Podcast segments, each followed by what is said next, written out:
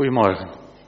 Ik wil eh, vanmorgen met jullie nadenken over de vraag: zijn wij ambassadeurs? We hebben er heel leuk uitgevonden om het thema voor dit jaar een beetje aan te passen door er heel optimistisch neer te zetten. Wij zijn ambassadeurs. Nou, ik denk laten we ons dat eerst eens afvragen dan. Vandaag. En ik wil daar met jullie uh, over nadenken naar aanleiding van het boek Rut. Er zijn een, uh, een aantal mooie gedachten in het boek Rut waar ik met jullie naar wil kijken. En ik, uh, ik gebruik de tekst uit de herziene statenvertaling vandaag. Uh, het boek Rut begint heel mooi. Het zegt, in de dagen dat de richters leiding gaven aan het volk, gebeurde het dat er hongersnood was in het land. Daarom ging een man uit Bethlehem in Juda op weg om als vreemdeling in de vlakte van Moab te verblijven. Hij, zijn vrouw en zijn twee zonen. Dus het boek speelt volgens vers 1 in de tijd van de rechters, de richteren, in diezelfde periode. En uh, het is een heel bijzonder verhaal over genade en verlossing. Het gaat over, ja, over een gezin wat, uh, wat omdat er hongersnood is, vertrekt naar Moab aan de oostkant van de Dode Zee, wat vandaag de dag Jordanië heet. Daar gaan ze wonen om aan die hongersnood te ontkomen. Ze zijn daarin niet de eerste. Abraham die vluchtte naar Egypte voor de honger, Isaac vluchtte naar de Filistijnen en nu vertrekt er een gezin naar Moab. Allemaal naar gebieden waarvan de Heer had gezegd, daar zul je niet heen gaan. Allemaal heidense gebieden waar afgoden werden vereerd. Maar goed, ze zijn daar een tijd en uh, Naomi, de moeder van het gezin, die heeft uh, twee schoondochters gekregen. Kleinkinderen zijn er kennelijk niet geboren. Maar haar man en haar beide zonen zijn overleden. Tragisch. En dan horen ze dat de hongersnood in hun eigen land voorbij is. En dan staat daar, ze maakte zich met haar schoondochters gereed, keerde terug uit de vlakten van Moab, want ze had in het land Moab gehoord dat de Heer naar zijn volk had omgezien door hun brood te geven. Dus zij gaan op weg naar huis. En voor de mensen die het verhaal kennen, onderweg zegt Naomi: Van waarom zouden jullie nog met mij meegaan? zegt ze tegen haar schoondochters. Want in het land Israël en ook in de landen eromheen, daar was, gold de wet van het zwagerhuwelijk. Dus als je man overleed, dan werd je als vrouw uitgehuwelijkt aan de, de broer van de man, zodat hij kinderen in naam van je oorspronkelijke echtgenoot kon. Voor ons klinkt dat allemaal een beetje huiveringwekkend waarschijnlijk. Maar dat was in die tijd de enige sociale voorziening die je had. Iemand die je als vrouw nam en voor je ging zorgen. En, en ging zorgen dat er in ieder geval nageslacht werd geboren, zodat de grond waar je eigenaar van was en waarvan je moest leven, in je bezit, in familiebezit bleef. Nou, Naomi had geen man en geen zonen meer. Dus het was een uitzichtloze situatie. En ze dringt erop aan bij haar dochters van ga nou terug naar je, naar je vader en moeder.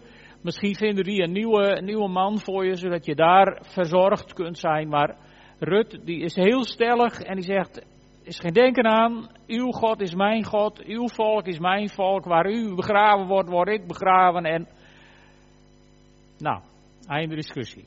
Ze was duidelijk. En Naomi die stemt daarin toe. En zo reizen ze samen naar huis.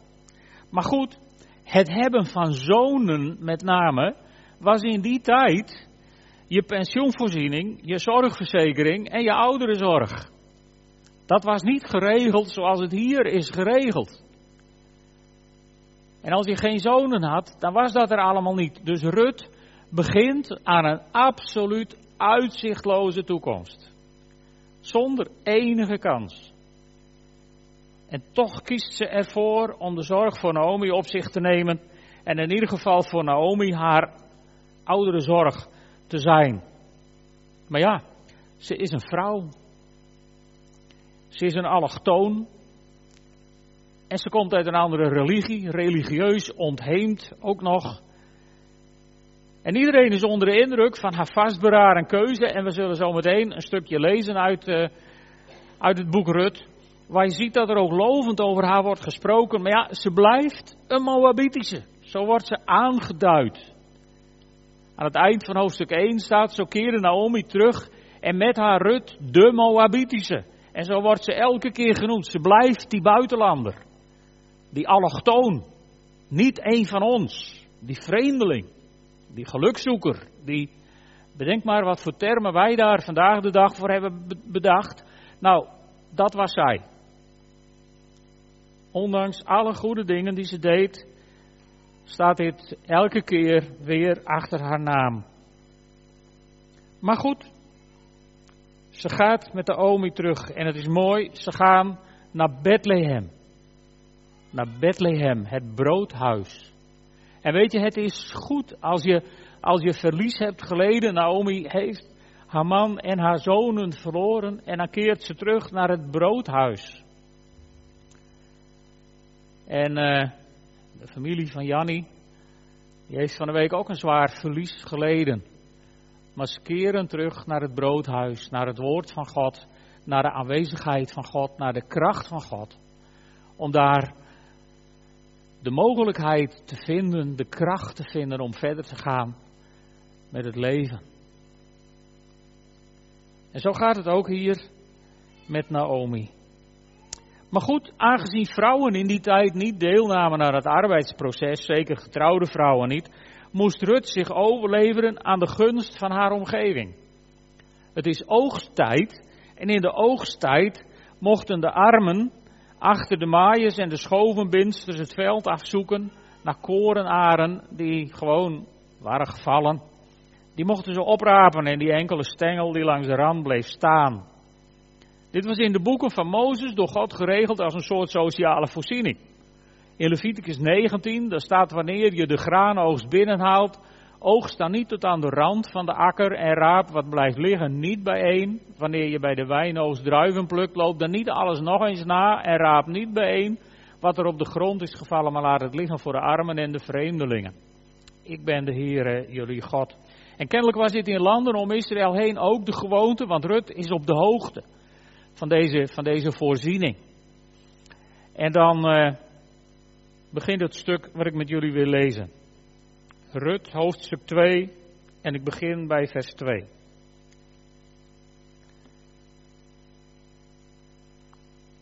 Rut, de Moabitische, zie je? Dat staat er meteen weer achter. Rut, de Moabitische, zei tegen Naomi: Laat mij toch naar de akker gaan en aren rapen achter hem, in wiens ogen ik genade zal vinden. En zij zei tegen haar: Ga, mijn dochter. Daarop ging zij op weg, kwam op de akker en raapte achter de maaiers. En het overkwam haar dat ze op een deel van de akker van Boas terecht kwam, die uit het geslacht van Elimelech was. En zie, Boas kwam uit Bethlehem. En hij zei tegen de maaiers: De Heere zij met u. En ze zeiden tegen hem: De Heere zegene u. Daarop zei Boas tegen zijn knecht, die over de maaiers aangesteld was: Wie behoort deze jonge vrouw toe? De knecht die over de maaiers aangesteld was, antwoordde en zei: Dat is die Moabitische jonge vrouw die met Naomi teruggekeerd is uit het land Moab. Ze zei: Laat me toch aren rapen en verzamelen tussen de schoven achter de maaiers. Zo is zij gekomen en ze is gebleven vanaf vanmorgen tot nu toe. Ze heeft bijna niet binnen gezeten. Toen zei Boas tegen Rut: U hebt het gehoord, niet waar, mijn dochter? Ga niet op een andere akker aren rapen. U moet hier niet weg, ook moet u hier niet weggaan, maar u moet dicht bij de meisjes blijven die voor mij werken. Uw ogen moeten op de akker gericht zijn die zij aan het maaien zijn, en u moet achter hen aangaan. Heb ik de knechten niet geboden dat zij u niet aanraken? Als u dorst hebt, mag u naar de watervaten komen en drinken van wat de knechten zullen scheppen. Toen wierp zij zich met het gezicht ter aarde, boog zich naar de grond en zei tegen hem: Waarom heb ik genade gevonden in uw ogen dat u naar mij omziet terwijl ik een buitenlandse ben? Boas antwoordde en zei tegen haar: Het is mij allemaal verteld, alles wat u na de dood van uw man voor uw schoonmoeder gedaan hebt en hoe u uw vader en uw moeder en uw geboorteland hebt verlaten en naar een volk bent gegaan dat u voorheen niet kende. Mogen de Heer uw daad vergelden en mogen uw loon volkomen zijn van de Heere, de God van Israël, onder wiens vleugels u gekomen bent om toevlucht te nemen. En zij zei, laat mij genade vinden in uw ogen, mijn Heer, want u hebt mij getroost en u hebt naar het hart van uw dienares gesproken, hoewel ik niet ben als een van uw dienaressen. Toen het etenstijd was, zei Boas tegen haar, kom er hierbij en eet van het brood en doop uw stukje brood in de zure wijn. Zo zat ze neer naast de maaiers en hij reikte haar geroosterd koren aan en zij at en werd verzadigd en hield nog over. Toen ze opstond om weer Aren te gaan rapen, gebood Boas zijn knechten, laat haar ook tussen de schoven rapen en val haar niet lastig. Ja, laat ook opzettelijk voor haar wat vallen uit de bundels aren en laat het liggen zodat zij het op kan rapen en bestraf haar niet. Zo raapte zij aren op de akker tot de avond. En wat zij geraapt had, klopte ze uit. Het was ongeveer een eva gerst. En zij pakte het op en kwam in de stad. Haar schoonmoeder zag wat zij geraapt had. Ook haalde ze tevoorschijn wat ze overgehouden had toen ze genoeg gegeten had en gaf het haar. Vervolgens zei haar schoonmoeder tegen haar: Waar heb je vandaag aren geraapt en waar heb je gewerkt? Mogen hij die naar je omgezien heeft gezegend worden? En zij vertelde haar schoonmoeder bij wie ze gewerkt had en zei: De naam van de man bij wie ik vandaag gewerkt heb is Boas. Rut, die zegt heel mooi in, uh, in vers 2: Laat mij toch naar de akker gaan en aren rapen achter hem in wiens ogen ik genade zal vinden. Een hele ontroerende vraag. Ze is zich bewust dat ze geen recht heeft, maar dat ze afhankelijk is van de genade, van de goedsgezindheid van iemand anders. Ze gaat op zoek naar genade en God leidde haar daarbij. En zo hebben we in vers 3 gezien. Het overkwam haar dat ze op een deel van de akker van Boas terecht kwam. Bijzonder. En de meeste mensen die dit horen zullen waarschijnlijk zeggen, dat is toevallig. Wel, soms gebeurt er vast wel eens iets toevalligs, maar in mijn beleving is het vaker de hand van God dan veel mensen in de gaten hebben. Het overkwam Rut. Zij kende de omgeving en de mensen niet. Naomi bemoeide zich er ook nog niet mee, want die hoorde s'avonds bij thuiskomst pas dat Rut op het land van Boas was geweest. En daarna vertelt zij pas aan Rut bij wie ze was. Dus, als de dames dit niet georganiseerd hebben, wie zou het dan geregisseerd hebben? Is de vraag. En uh, Laten we in dit verhaal en ook in onze eigen levens dus ophouden met het geleuter over geluk hebben of over toeval. Ik geloof dat wij veel vaker God de eer zouden moeten geven over de zegeningen die ons ten deel vallen. Want het is vaker de hand van God in ons leven dan wij denken. En voor mij is de slogan liever God geprezen om iets toevalligs dan het toeval geëerd om het werk van God. En Rut, zij vindt genade, want Boas was een man van genade. Hij zegent haar door zijn personeel op te dragen voor haar wat extra te laten vallen, hebben we gelezen. En bovendien beschermt hij haar door zijn mannen te verbieden haar te na te komen. Maar als, als ongetrouwde buitenlandse was ze natuurlijk een kwetsbare vrouw en net als tegenwoordig zou ze zomaar in de vrouwenhandel kunnen belanden. En dit doet mij ook denken aan de opmerking van koning David over zijn zoon Absalom. Als koning David de strijd aangaat met zijn zoon Absalom, zegt hij tegen zijn legeraanvoerders: treed niet te hard op tegen mijn jongen. En dit moet ons als Gods jongen of als Gods meisje, moet dit ons als muziek in de oren klinken. Want God komt ook voor ons op. Wat een opsteker in de tijd. God die voor ons opkomt. En die ook tegen de kerk zegt, een beetje voorzichtig met mijn jongen, met mijn meisje. En dat zou ons als kerk moeten oproepen tot genade. Tot niet te hard optreden tegen Gods kinderen of tegen vreemdelingen. En zo moet dit hele verhaal ons tot nadenken stemmen.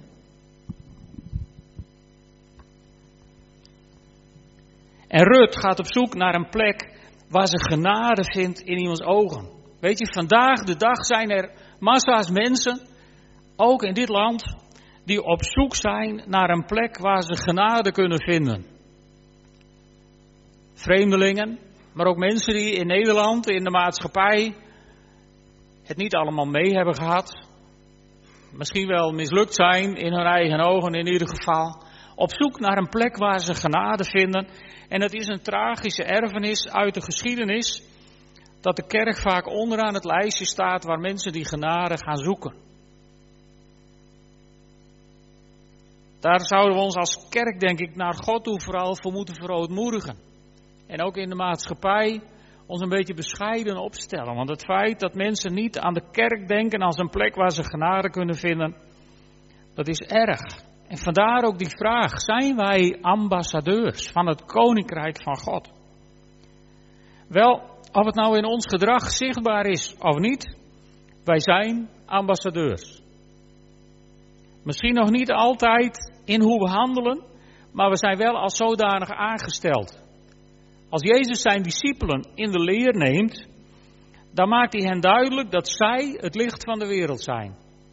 Hij zegt dat zij moeten laten zien dat ze dat zijn tot eer van God. En voor ons als opvolgers van de discipelen geldt volgens mij gewoon precies hetzelfde.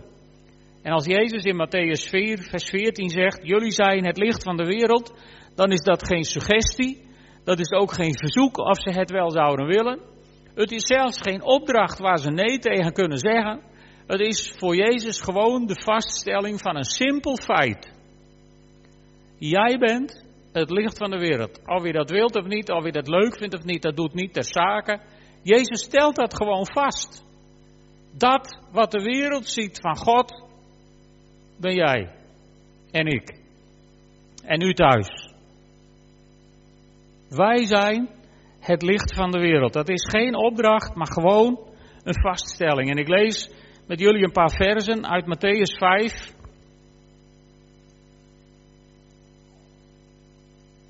Ben een beetje achtergeraakt. In Matthäus 5. En daar staat: Jullie zijn het licht in de wereld.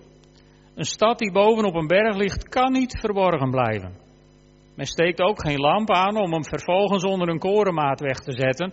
Nee, men zet hem op een standaard, zodat hij licht geeft voor ieder die in huis is. Zo moet jullie licht schijnen voor de mensen, opdat ze jullie goede daden zien en eer bewijzen aan jullie Vader in de hemel. Daarvoor zijn wij op deze wereld. Kijk eens aan. Daar hoef je niet eens naar te solliciteren. Je bent zomaar benoemd. En je kunt er ook niet voor weg. En als je je afvraagt hoe het moet, dan is Boas een van die prachtige voorbeelden in de Bijbel waar je kunt zien hoe dat werkt. Jezus Christus voorziet in onze nood en beschermt ons. Boas als beeld van Jezus. Nou laten we eens even kijken. Hier is een hele mooie vergelijking. En dat gaat over mensen die dorst hebben. Jezus die zegt in Johannes 7, vers 37, laat wie dorst heeft bij mij komen en drinken. En dan heeft hij het over dorst naar genade, dorst naar gerechtigheid, dorst naar iemand die naar je omziet, dorst naar iemand die een beetje aandacht voor je heeft, dorst naar iemand die bereid is je te troosten en misschien een hand voor je uit te steken. Als iemand dorst heeft, zegt Jezus, laat hij bij mij komen en drinken. En in Openbaringen 21, vers 6, daar herhaalt hij dat nog een keer. En daar belooft hij drinken voor iedereen die dorst heeft. Want dan zegt hij, wie dorst heeft, geef ik vrij te drinken uit de bron met water dat leven geeft. En in Openbaringen 22, daar in vers 17, daar zegt hij dat nog eens, laat wie dorst heeft komen en laat wie dat wil vrij drinken van het water dat leven geeft. In dat vers, ligt zelfs de nadruk erop dat het gratis is. Dat je het gewoon kunt halen. En kijk dan eens wat Boas zegt tegen Rut. Tegen die buitenlander. Die gelukzoeker die bij hem op het veld is om, om er beter van te worden. Boas zegt tegen Rut, als je dorst hebt, mag je naar de watervaten gaan en drinken van wat de knechten zullen scheppen. Je hoeft het niet eens zelf te doen, je krijgt het aangeboden van de knechten van Boas. Gaan wij ook zo om? Met vreemdelingen? Met mensen die dorst hebben naar gerechtigheid, dorst naar een stukje troost, dorst misschien wel naar iets meer van God? Scheppen wij dan water voor hen, zodat ze bemoedigd worden en hun dorst gelest kan worden? Wat je ziet is dat Rut verbijsterd is over zoveel genade. Ze valt op haar aangezicht en ze zegt tegen Boas, en waar heb ik dit aan verdiend? Daar gaat Boas niet op in. Dat is ook zinloos, want genade kun je niet verdienen. De genade die ons door Jezus Christus ten deel valt, hebben we ook niet verdiend. Dat krijgen we gewoon. Dat valt ons zomaar ten deel. En, en als zij vraagt, waar heb, waarom heb ik genade gevonden in uw ogen dat u naar mij omziet, terwijl ik een buitenlandse ben, dan, dan geeft Boas zo'n prachtig antwoord. En dan blijkt dat hij weet van haar opoffering. Hier zie je hoe lovend er over Rut kennelijk is gesproken in het dorp en in, in de omgeving. Boas weet van het offer wat ze heeft gebracht, van de inspanning die ze doet om haar schoonmoeder te verzorgen. Hij weet het. En zo weet God ook van jouw daden, van jouw werken. En als je, als je je dingen ontzegt in je leven om andere mensen te dienen, andere mensen te helpen, God weet het. En net zoals Boas het aan Rut vergoedt, zal God dat ook in jouw leven vergoeden. En hier wordt Boas gewoon gebruikt om aan Rut te vergoeden. De zegen van God komt door Boas naar haar toe. En zo zou de zegen van God ook door ons naar andere mensen toe kunnen komen. En Rut pleit nogmaals op de genade van Boas en is getroost door deze ervaring. En het wordt nog mooier. Als het etenstijd is, dan, uh, dan nodigt Boas haar uit aan tafel. Een buitenlander. En hij deelt brood en wijn met haar. Daar kunnen wij als kerk volgens mij nog wat van leren. Want is, is soms juist het toelaten van mensen aan de maaltijd waar wij brood en wijn met elkaar delen niet een breekpunt, een punt van heftige discussie. Ik hoorde in een kerk waar ik te gast was tijdens een avondmaalsdienst de predikanten onthutsende woorden zeggen, tenminste in mijn ogen, het, het heeft me behoorlijk ondersteboven gehouden. Dan zei die predikant, als u gerechtigd bent in uw eigen kerk aan het avondmaal te gaan, bent u van harte welkom. En, en het zal zo wel in de kerkelijke wetten staan, maar zijn we daarmee nou niet heel verschrikkelijk ver van de oorsprong van de genade weggedwaald? Want als je er goed over nadenkt, dan was volgens de doorsnee kerkorde geen van de twaalf discipelen gerechtigd aan het avondmaal deel te nemen. En toch deelt Jezus brood en wijn met hen, zelfs met Judas die hem al verkocht had. En Jezus was daarvan op de hoogte. Dit is ook zo'n punt om, om gewoon eens over na te denken. Weet je, in, in onze gewoontes dwalen we zo makkelijk weg in allemaal regeltjes en wetjes en dingetjes. En, en, en ik kan er niks aan doen, maar als ik dan dit soort verhalen in de Bijbel tegenkom, denk ik, doen we dat altijd wel goed? Of moeten we daar toch nog eens anders naar kijken? Want zou juist de kerk, zou juist het moment waarop we brood en wijn met elkaar delen, niet het moment moeten zijn waarop we zondaars in aanraking brengen met Jezus Christus, zodat Hij hun leven kan veranderen? Gisteren zaten we met een aantal voorgangers in de, uit bij elkaar, hadden we het zo even over de doop. Toen was er iemand en die zei, ja, wij hebben iemand die wil graag gedoopt worden, maar die vindt zichzelf nog niet goed genoeg. En toen zei ik, nou dan kan hij heel lang wachten, want dat gaat hij ook niet worden. Je wordt pas goed genoeg door de doop. Als je hard gewerkt hebt en je stinkt naar zweet en je bent smerig, wie van jullie gaat dan voor de douche staan en denkt van nou ga ik wachten tot ik goed genoeg, schoon genoeg ben en dan ga ik onder de douche. Dwaas hè? Nou net zo dwaas is het als je voor de doop goed genoeg wilt worden. Je wordt goed genoeg onder de douche. Of in het bad. En anders niet. Waarom nemen wij mensen niet makkelijker mee naar de aanwezigheid van God? Goed, terug naar ons verhaal. Boas blijkt geen toevalstreffer te zijn. Toeval bestaat ook niet, hebben we zo net besproken. Uh, Boas is de Goel, op zijn Hebreeuws, de losser van de familie. En zo was God de Goel, datzelfde woord voor zijn volk Israël, wat hij uit Egypte had geleid. En zo is Jezus Christus de Goel die ons heeft vrijgekocht van de slavernij van de zonde. En is er één reden te bedenken waarom je je niet aan zo iemand zou toevertrouwen? Wel, als Boas een beeld is van Christus, dan is Rut in dit verhaal een beeld van de kerk, van de gelovigen. Want op een gegeven moment zegt Naomi, die doet haar de suggestie om zich als bruid aan te bieden aan Boas. Nou is volgens de, volgens de traditie was Boas behoorlijk veel ouder dan zij. Dus ze had ook kunnen zeggen, nou dank je, dan ga ik wel terug naar Moab. Maar dat doet ze niet. Er staat in de Bijbel dat ze zich, dat ze zich baat en dat ze zich zalft met olie en in haar mooiste kleren legt ze zich s'avonds op de dorsvloer aan de voeten van Boas. Wij zongen dat laatste lied, aan uw voeten, Heer, is de hoogste plaats. En ik weet niet hoe het jullie, jullie gaat, maar als ik naar mijn eigen leven terugkijk, dan heb ik het idee dat ik vaker bij Jezus voor het bureau sta om hem te adviseren hoe het verder moet, dan dat ik aan zijn voeten lig om me gewoon aan hem aan te bieden als bruid van Christus. Ik weet niet hoe het jou gaat. Maar ik vind dit zo'n mooi voorbeeld. Om jezelf aan Jezus te geven, gedoopt in water, gezalfd door de aanwezigheid van de Heilige Geest in je leven en dan in je mooiste kleren. Je aanbieden aan Jezus.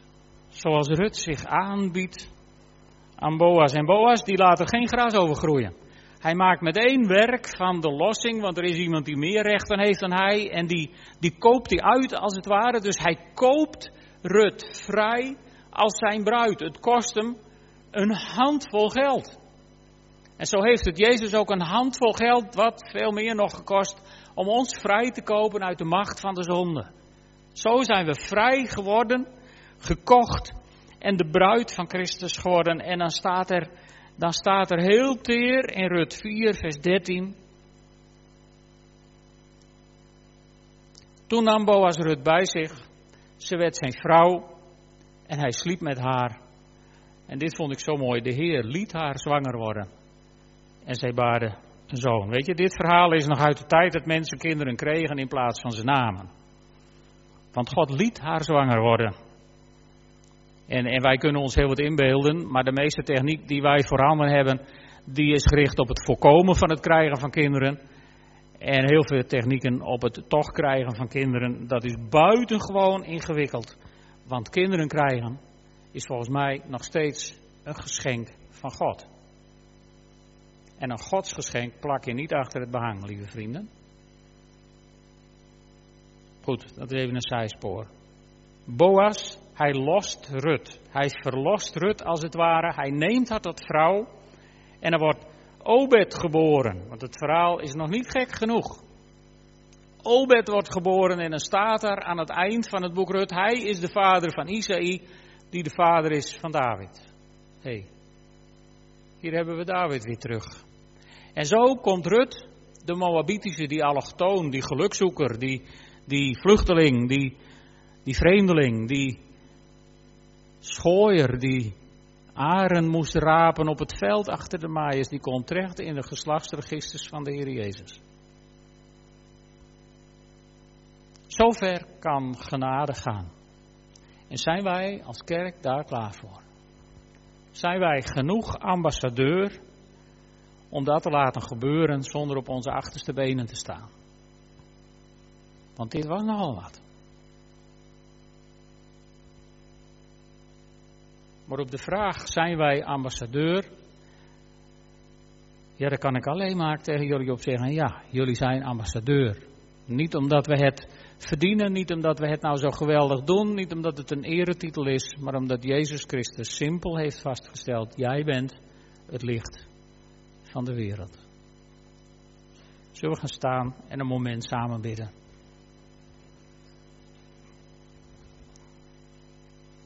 Vader God, u hebt uw Heilige Geest in, in onze levens laten komen. En u hebt ons die genade gegeven dat we, ja, dat we u mogen vertegenwoordigen op deze wereld. En dat doen we vaak, ja, dat doen we niet altijd zo succesvol. En ik bid u, Heer, vergeef ons dat. En ik bid u ook, geef, geef ons als gelovigen, geef ons als kerk en in Nederland nieuwe kansen. Heer, en, en ik bid u om uw genade voor al die mensen die, ja, die, die hongeren Om genade te vinden in iemands ogen. Om door iemand gezien te worden, door iemand geholpen te worden, door iemand bemind te worden misschien. Heren, u kent ze allemaal. U kent ze hier in deze ruimte. U kent ze als ze voor de radio zitten te luisteren. En u kent ze ook allemaal verder hier in deze wijde omgeving. En Vader God, ik bid u, geef ons als uw kinderen, als uw ambassadeurs, als uw priesters, de kans om uw naam te verheerlijken door onze daden. Heren, zoals u Rut leidde naar de goede plekken, leid dan ook ons naar de goede plekken en leid mensen die om u zoeken naar de goede plekken. Heren, van toeval, daar geloven wij niet in. Deze wereld is in uw hand. En zo zijn onze levens in uw hand. Heren, als, als er mensen zijn die, ja, die zaken met u zouden moeten doen door in bad te gaan, door uw Heilige Geest als salvolie op hun leven te ontvangen. Heer, wilt u dan ook daar overtuigend in spreken? Tot een ieder die deze boodschap hoort. Heer, u bent degene die overtuigt. U bent degene die ons leven draagt. En u bent degene die ons zegent en kracht geeft voor de dag van morgen. Daar dank ik u voor in de naam van Jezus. Amen.